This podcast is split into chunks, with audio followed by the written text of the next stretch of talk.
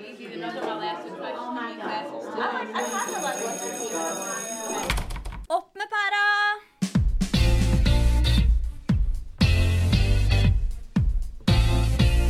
Velkommen til Opp med pæra. Den podkasten som diskuterer læring og undervisning i digitale omgivelser.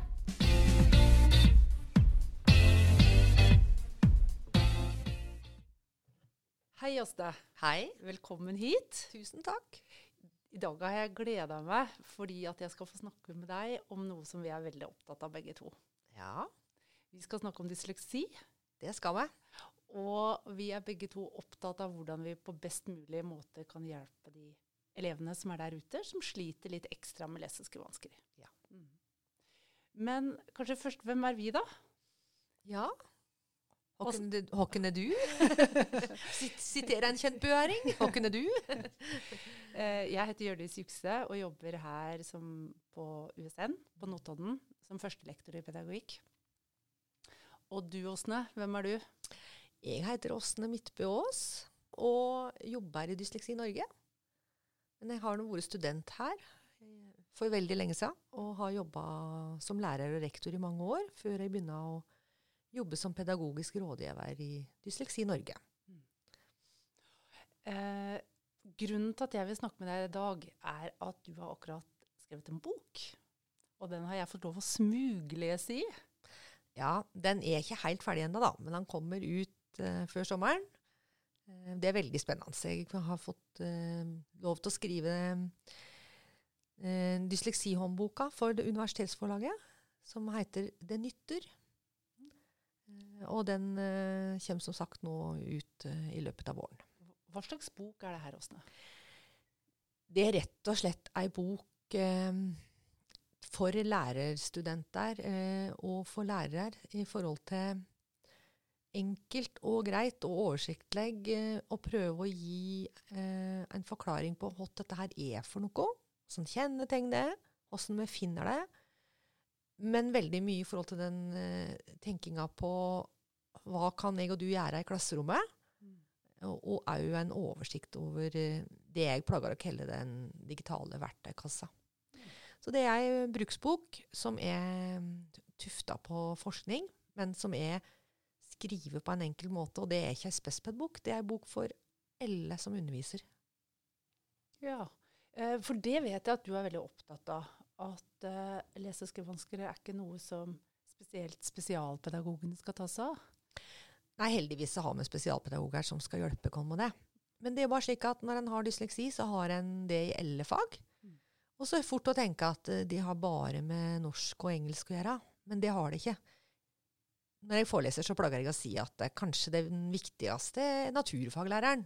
Rett og slett fordi at ofte så er det fag som har lærebøker som er veldig vanskelig å skrive.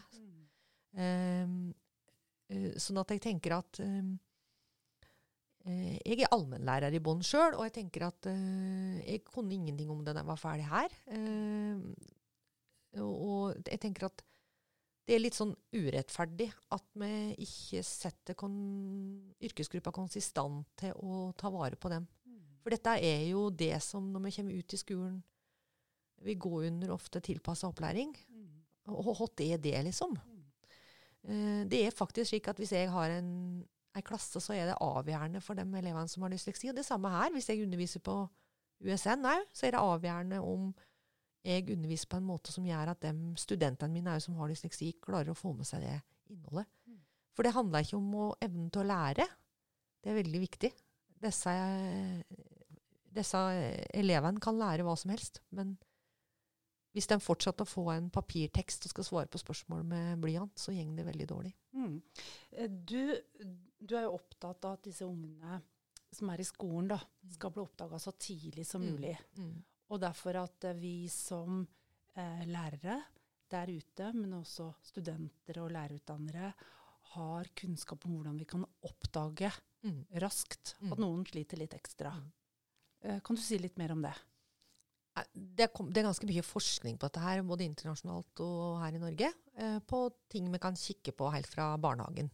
Dette henger veldig tett sammen med dette med språkutvikling, og det viktige arbeidet arbeid barnehagelærere gjør i forhold til å jobbe med språklig bevissthet, og Og så er det jo veldig arvelig. Mm. Eh, det veit du jo litt om. Det vet jeg mye om. Og i forhold til at jeg syns jo det er helt eh, Det er veldig rart at man ikke sånn konsekvent spør, da.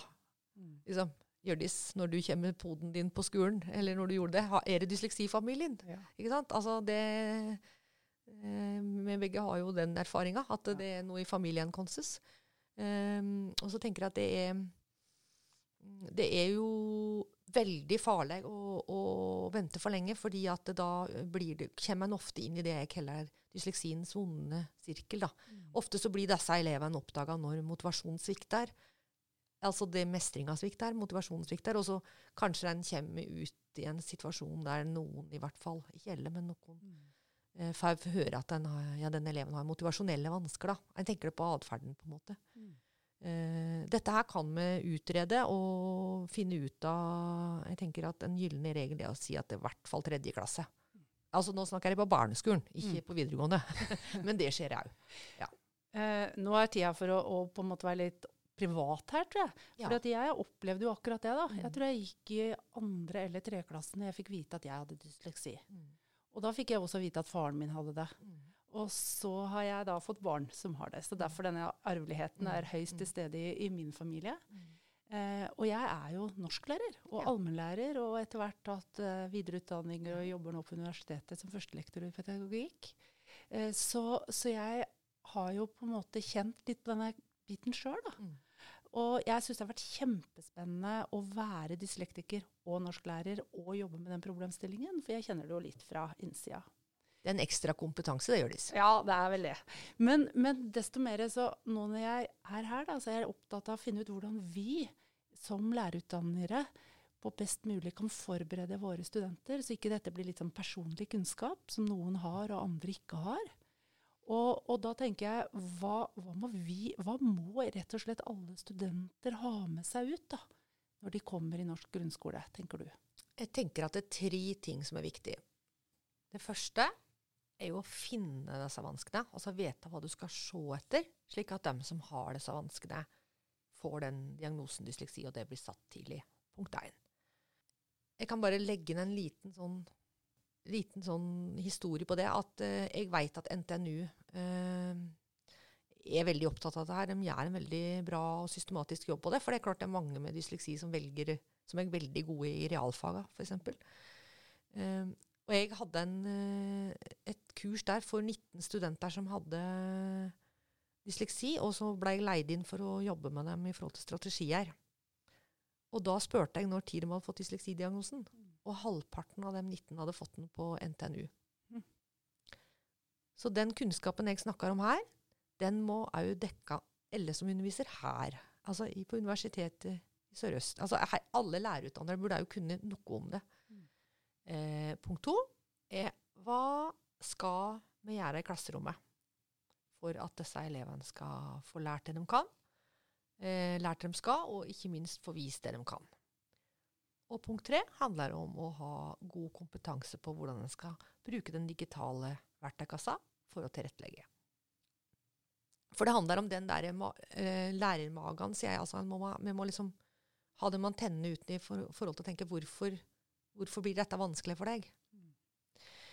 Um, punkt én, altså vi må finne dem, uh, og så må vi selvfølgelig utrede. Uh, altså, jeg plager å si det så enkelt at for at jeg som pedagog skal kunne hjelpe deg best mulig, så må jeg vite om hva som er vanskelig for deg. Det gjelder ikke bare eh, norsklærer. Det gjelder like mye matematikklærere som ser at hva er det som stopper her? Er det, lese, kun, er det for at eleven leser dårlig, eller har en, er det andre ting som gjør det? Så eh, trenger alle lærere å kunne noe om eh, hvordan en skal tilpasse i det ordinære. Det er jo faktisk sånn at når en begynner å diskutere sammenhengen mellom tilpassa opplæring og spesialundervisning, så handler det ikke om bare om å si at nå skal vi slutte med spesialundervisning, for det går veldig galt hvis ikke du gjør noe inni den ordinære undervisninga. Men min opplevelse etter å jobbe med dette her ganske lenge, er jo at eh, eh, det er stor sprik da, i, i et klasserom på hvem lærere som klarer å eh, legge den ordinære undervisninga opp slik at flest mulig kan være inne der. Og da særlig med tenke på det vi kaller en dysleksivennlig undervisning. Dysleksi Norge har jo en sertifiseringsordning som handler om å sertifisere dysleksivennlige skoler, som har god praksis. Og der har vi liksom lagt opp til liksom, Vi har noen kjennetegn på hva det er. Og da er det den systematikken.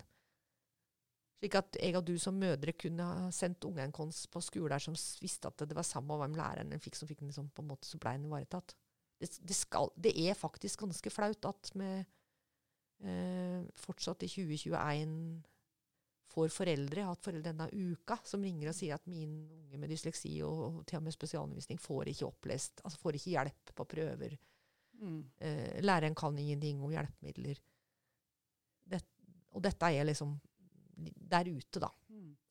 Og det er jo liksom det eh, Det er derfor jeg hadde lyst til å snakke med deg litt i dag, og i Mm. den konteksten her, hvor vi eh, som en del av, av Ludo sin podkast, ser jeg. Fordi eh, vi har jo så gode verktøy i dag som gjør det så enkelt å kompensere, Mm. og så lett å tilrettelegge. Og det du nettopp sa, var at eh, ved, å ikke, ved å tilrettelegge for, eller ha verktøy tilgjengelig i klasserommet, som er gode for dyslektikeren, så støtter du kanskje også opp mange andre elever i klassa. Ja. Fordi vi lærer jo litt forskjellig, uavhengig om vi har dysleksi eller ikke. Ja. Og noen har glede av å få lærerstoffet inn på flere og andre kanaler eller måter Mm. enn bare å lese sjøl, f.eks. Ja, for eksempel, det, er jo, det er jo en viktig kunnskap som dessverre ikke alle har. det at Hvis du får diagnosen dysleksi, så har du bedre lyttekompetanse enn du har lesekompetanse. Altså det, det er liksom en del av den greia. Og så vil det alltid være spesielle ting rundt. Det kan være enkeltindivider som har utfordringer på det òg, men ofte så er det sånn at en dyslektiker vil profittere veldig på å få eh, teksten opplest, eller helst eh, lære seg å bruke tallsyntese, eventuelt bruke digitalbøker. Altså få høre det på øret. Um, eller se det på en film. Veldig, ofte veldig sterke visuelt. Så det, det, er jo veldig, det er like viktig for å finne vansken, da, som å snu og si hvordan lærer du best da, Hjørdis? Ja. og du veit åssen du lærer best. Du har lært deg strategiene. Um, og det er jo det som jeg syns som Jeg har, jeg har jo mammarolla her i forhold til Vi har jo voksne unger nå, og vi har jo faktisk vært gjennom og sett hvordan disse verktøyene har utvikla seg. ja, det er det. Det er helt fantastisk. Så tenker jeg at eh, det burde ikke vært noe det, det her burde ikke vært noe tema lenger. For det her må på en måte, det ligger på alle flater. om det å få opplest tekst. altså Det burde ikke vært noen diskusjon. For eksempel det med å lese med ørene. Jeg kaller det det. Ja. For det er jo sånn at jeg har lesevansker. Hvis jeg tar med briller, så kan ikke jeg lese. Men uh, det var jo ingen av dekkene som tenkte at, ja, ingen, ingen som tenkte at å, sånn, liksom, du kan ikke bruke briller. Uh, ta med brillehotellet og så sett ut her, for her bruker vi ikke briller. Men dyslektikere kan bli møtt med det at nei, denne her skriver med hånd, eller her eh, Eller i hvert fall veldig ofte sånn helt uten å tenke. Det er ikke at lærere vil være slemme, men mange ganger så blir det jo pap Det er mye papir i norsk skole fortsatt, selv om alle tror at alt er digitalisert, så er det jo ikke det. Eh, så det er noe å gå på her på disse praktiske innordningene, rett og slett. Det du sier egentlig, at en lærer som jobber Uh, uansett fag, må ha en didaktisk kompetanse til å forstå liksom, uh, ulike måter å møte elever på. Mm. Og at eh, for noen så er det best å få hørt ting. Ja. Andre leser sjøl. Eh, noen tar bilde av beskjeder og ser på bildet etterpå for å huske de. Andre hører alt med en gang, eller kan skrive de ned. Mm. Det er liksom Er vi der? Ja, Og, det, og der gir jo vurderingsformene, den nye vurderingsforskriften en mye større åpenhet i forhold til at jeg tenker er jo at når vi skal diskutere vurdering for læring, så skal vi ha vurdering for læring. Eh, og her har skolene full mulighet til å snu problematikken i stedet for å snakke om Jeg får jo sta, stadig spørsmål fra foreldre spesielt, men også fra skoler. Ja, hva har en dyslektiker rett på? Og så sier jeg bare det synes jeg er helt uh, Det kan jeg godt svare på, men det vil jeg helst ikke svare på. For jeg tenker at jeg vil at du som lærer skjønner at når du går ut til dine elever i 9. trinn, så skal du finne ut hva, treng, hva, hva slags vurderingsform må jeg, eh, må jeg gi til den eleven for at den skal få vist det den kan. Og faktisk sånn juridisk sett så er det jo gått så langt nå at en kan jo f.eks. bruke tale til tekst. Altså du kan snakke inn, og maskinen skriver for deg. Det er lov å bruke på engelsk og norsk. Eksamen skriftlig på ungdomsskolen og videregående. Men problemet er bare at skolen veit ikke, og de har i hvert fall ikke lært opp eleven på det. Og det må jo studentene i lærerutdanninga kunne. Og, og det du sa i stad, var at i gamle dager, da, eller før, så var dette veldig mye sånn spesialverktøy for å få det til. Mm. Eh, I dag er det veldig lett tilgjengelig. Det er nesten på alle flater. Eh, helt vanlig Microsoft, så får du lest opp teksten Ja. osv. Og så, så Så det er ikke noen sånn tekniske barrierer lenger. Burde være det. Men du sier at det likevel er det. Fordi at folk har ikke lært eller har ikke prøvd det eller tatt i bruk. Jeg har, jeg har lyst til å fortelle en sånn historie Ja. fra et klasserom jeg var inne i. Det er en eh, sjette klasse jeg var inne i for uh, ei ei beitesa, som er langt, her, langt herfra. uh, men en veldig oppegående lærer som òg kunne IKT, egentlig. Som hadde en stor klasse med seks dyslektikere i. Og så skulle jeg observere, og så satt jeg meg bakerst. Og så så jeg at det lå ei bunke med Det lå liksom ei papirbunke på hver pult. Og så så jeg at det var seks pulter det var noe digitalt på. altså Det var tre nettbrett og tre PC-er. Så jeg skjønte jo hvor dyslektikerne satt.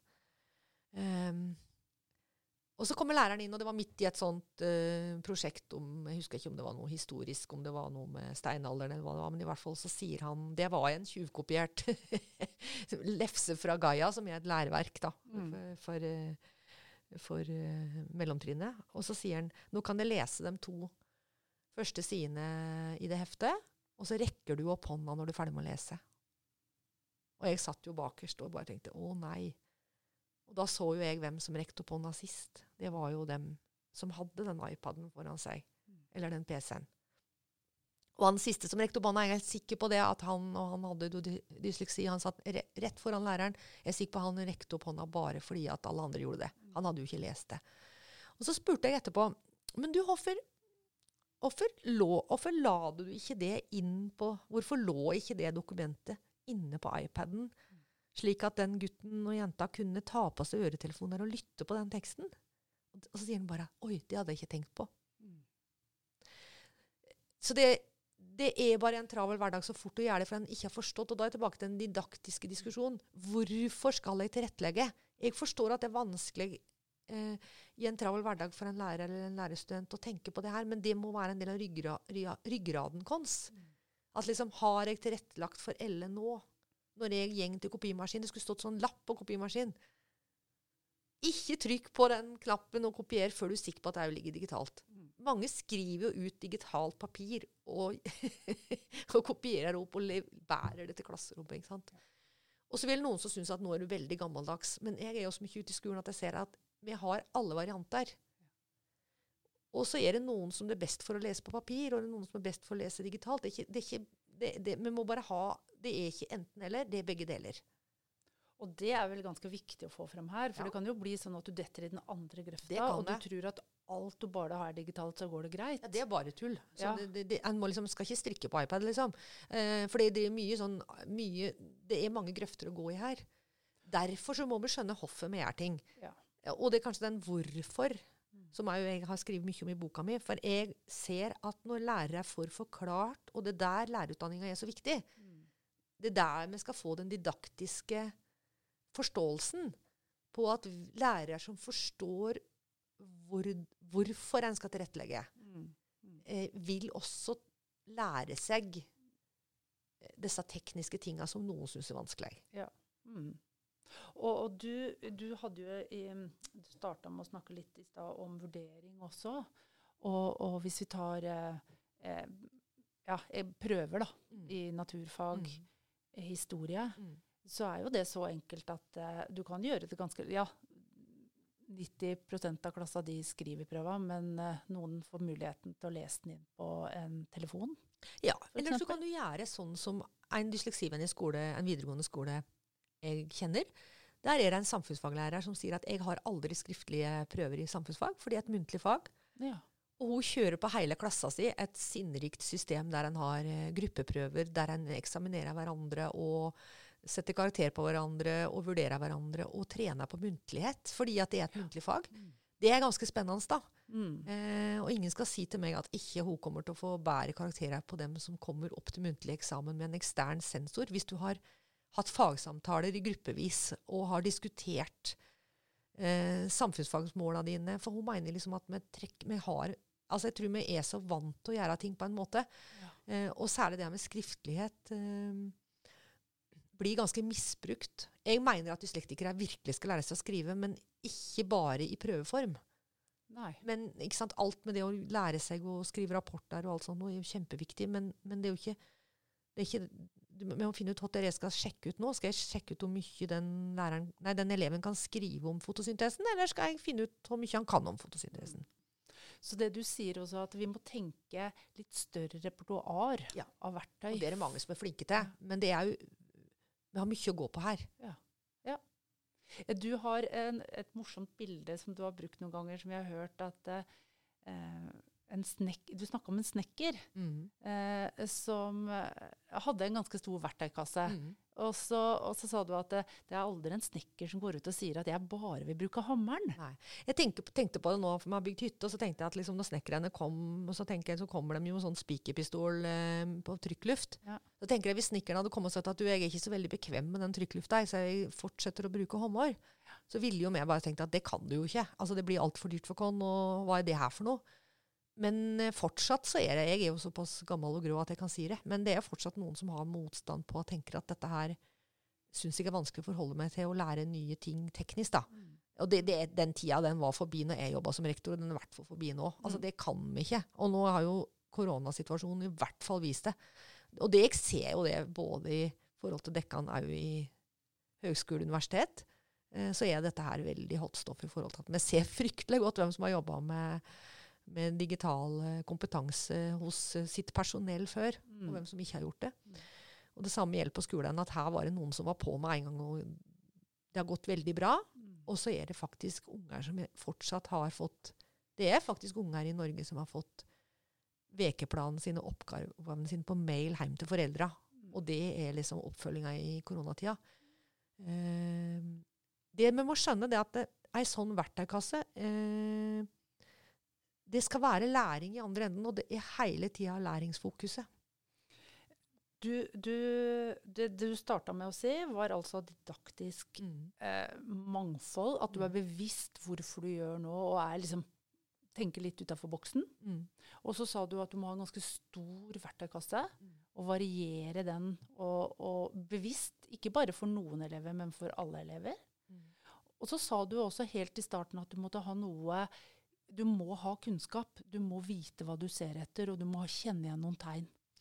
Ja, og da skal vi komme inn på et veldig stort område som, øh, det, som mange barn er med, og det er elever med utfordrende atferd. Mm. Eh, det er økende skolevegring. Michelin snakker om psykisk utfordring. Altså det er mange ting som gjør det bildet, men det er forska veldig mye på hva som skjer for de elevene som har disse utfordringene. Ikke bare dysleksi, men andre ADHD, spesifikke språkvansker, matematikkvansker. Eh, når en ikke mestrer på skolen, det faglige, Mm. så vil det ofte gjøre at en får en eller annen eh, utfordring. Innadvendt eller utadvendt, liksom. Og da handler det om den, å snu den onde sirkelen over til den gode sirkelen. Og da handler det jo faktisk om lærerens eh, Skålvik og Skålvik skriver veldig mye om dette her. I forhold til at faktisk så må eh, det er læreren som må ha den der verktøykassetenkinga. For det hjelper ikke bare at jeg syns synd på deg, og at jeg har lyst til å hjelpe deg, for jeg har en god relasjon til deg. Men hvis ikke jeg har verktøykassa mi i orden og veit hva jeg skal gjøre Mm. som lærer, og jeg gir deg den muligheten til å lese med ørene, Mm. eller muligheten til å bruke retteprogram, eller mulighetene til å holde foredrag i stedet for en skriftlig prøve, så bygger jeg ned den relasjonen òg. Mm. Mm. Så det er en Skålvik kaller det Skålvik og Skålvik, Skålvik kaller det instrumentell støtte. Eh, og, og jeg vil tenke å utfordre norsk lærerutdanning alt ifra ja, fra 1 til 7 til 8 til 13 og hele løpet. Og tenke at dere må utstyre studentene deres med instrumentell kompetanse. Ikke bare forståelse for at den eleven har det litt er- ja. vanskelig. Mm. For det er ikke det at lærere vil jo ikke elevene sine vondt. Lærere er veldig, Jeg ser så mye bra relasjonskompetanse. Men jeg ser òg elever som er innlangt inn i hjelpeapparatet og har store utfordringer, der egentlig utfordringen bånder i at dårlig tilrettelegging på skolen. Da er vi tilbake til min jobb og lærerutdanningas jobb. Og da spør jeg deg, Åsne, hva tenker du at vi i lærerutdanninga særlig må ta tak i for å gjøre, legge forholdene bedre til rette? Jeg tror faktisk at, kan, at en må nasjonalt gå tilbake igjen til styringsdokumentene deres. Det er jo gjort en spennende forskning eh, eh, kvalitativt på Universitetet i Bergen i forhold til eh, alle dokumenter som styrer deres lærerutdanning, hvor eh, ofte finner en ordet lese- og skrivevansker, språkvansker, dysleksi osv. bortetter. Det er stort sett fraværende. Vi, har sånne overordna Og, det, prinsippet i, lærerut, lærerutdanninga eller i høyskole og universitet er jo det samme som i kommune og fylkeskommune her. At vi har veldig tru i dette landet på, på kommunalt og sjølstyre, og er jo det samme gjelder i at det, det, alle det styrer sitt. Vi har jo noen kjempegode eksempler. Det kan gjøre mye bra. Og det er mange lærerutdanninger som gjør mye bra på det, systematisk. Men det blir liksom tilfeldig at ja, ja, PPU på Notodden har det inne i sitt ikke sant? Eh, GLU andre året på, i Volda har det inne fast. Eh, men det er jo litt merkelig at ikke PPU i hele eh, USN har det inne. Mm. Eh, hvorfor, hvorfor er det aldri inne i GLU? Liksom? Altså, det, det må på en måte, vi må på en måte slutte å tenke at dette er noe som spespeden tar seg av. Mm. Så det du Eh, sier egentlig, er at vi må starte med å se på at vi har det i emneplanene våre? Ja, det må det. At, vi, at det er ivaretatt Ja. der?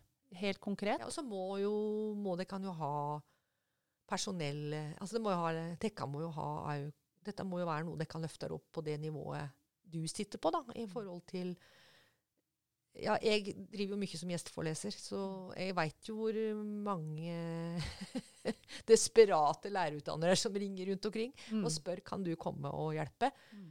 Fordi dekkene jo, står jo ut Vi er jo i en situasjon nå som går på en helt annen struktur. Da, men det er som, nå blir det jo disse høyfrekvente vanskene, som jeg kaller det. Altså dysleksi, matematikkvansker, eh, spesifikke språkvansker Ikke spesifikke språkvansker, men atferdsvansker, konsentrasjonsvansker. Det, det er nå liksom ute av Statped. Det skal inn i alle kommuner og fylkeskommuner skal ha kompetanse på det her sjøl. Og, og noen tenker at det skal øh, dekkende sektor ta kan ha. Mm. Og den kompetansen som på en måte ligger i den overgangen fra forskning via det det didaktiske og til det metodiske, den har dekkene jo ofte ikke. Det kan være enkeltpersoner hos dere som har det fordi at han er veldig interessert i det og har jobba med det. Men på systemnivå har dekkene det jo ikke. Og det er ikke noe frekt å si, for det tror jeg de kan se sjøl òg. Sånn at det, det handler jo om å tenke at eh, hvis vi skal få til tilpassa eh, opplæring på en ordentlig måte, og få til den dreininga fra å dra elever ut av klasserommet og drive med mye spesialundervisning, så må norske lærere ha kompetanse på de mest vanlige vanskeområdene. Mm. Og det du sier egentlig, er at akkurat nå er vi på et punkt hvor dette er viktigere enn noen gang. Det er det. Fordi Statsped bygges ned. Ja, det er det. Mm. Og universitetene skal overta denne rollen. Og da må vi få det inn i de vanlige faga, i de vanlige utdanningene våre, som en like naturlig, eh, like naturlig del som det andre, eh, det andre vi jobber med. Da. Ja. Mm. Og da tenker jeg at vi som bruk, Jeg jobber jo i en brukerorganisasjon. Mm. Og vi i utdanningssektoren så har vi veldig lite Vi veldig, har veldig lite sånn ja, vi, Det er ikke så vanlig å tenke at vi har brukerorganisasjoner. Mens hvis i helse, for eksempel, da, eh, hvis du jobber med, som lege og jobber med kreft, så har du et tett samarbeid med Kreftforeningen. Så jeg tenker at Vi jobber ADHD Norge og Dysleksi Norge, som på en måte faktisk nå blir stående med de største gruppene her, som er i alle klasserom. da. Vi sitter jo på en kompetanse her som på en måte vi ser at vi gjerne vi, Det er ikke vårt ansvar å ha den kompetansen, for å si det sånn. Eller vi skal selvfølgelig ha den kompetansen, men, men vi, må være, vi vil gjerne hjelpe til. Men, men vi, må, vi kan ikke redde dens greia her. Mm. Vi må gjøre det sammen. Men- og det ville heve lærerutdanninga i forhold til kla Jeg tenker tilbake til jeg tok lærerutdanning for øh, 35 år siden. Så hadde vi den samme klagen da som vi har i dag, at dette her med utdanner ikke læreren godt nok til å løse problemer i klasserommet. Ikke sant? Vi visste ikke nok om foreldremøter og dill og dall. Den kritikken hadde vi når vi tok lærerutdanning, og den har det kan fortsatt. Mm. Jeg tror at hvis det kan hadde vært flinkere til å tatt eller Det hadde vært smart, da. For at det er litt som, som ny lærerstudent at du kan mestre, at du slipper å komme ut og begynne å måtte etterutdanne deg på disse tinga. Mm.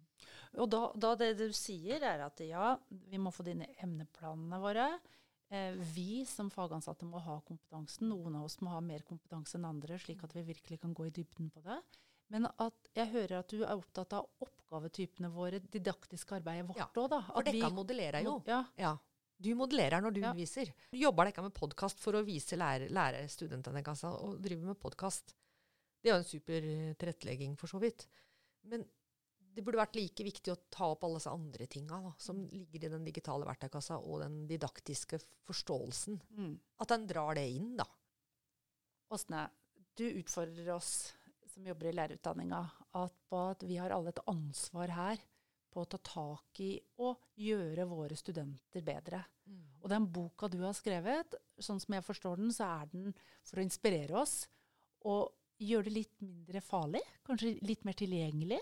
Det er ikke så vanskelig. Kanskje det er ganske små grep vi kan gjøre hver og en, og på den måten både gi våre studenter mer innsikt og sjøl mer erfaring, og at den innsikten og den erfaringen de får gjennom studiene her, eh, kan de ta med seg ut og ganske raskt omsette til praksis i klasserommet. da. Mm. Har jeg forstått deg riktig? Ja. Og så har jeg prøvd å gjort det. Det er ikke en bok som bare liksom Eller jeg tenker at vi eh, Jeg er opptatt av at vi ikke skal bare ha fokus på det metodiske. Mm. Eh, og det liker vel lærerutdannere som helst ikke vil ha oppskriftsbøker. Dette er en oppskriftsbok, men den er ikke bare oppskriftsbok. Den er fundert på Jeg har på en måte sagt litt om forskninga i bånn. Og ikke minst, jeg er ekstremt opptatt av å forklare hvorfor vi skal gjøre det. Mm. Uh, og det, når jeg først har anledning, så tenker jeg at tenk hvis alle som jobber med lærerutdanning, hadde uh, tatt litt ikke, Alle skal ikke bli spesialister på det, men at vi var litt mer bevisste.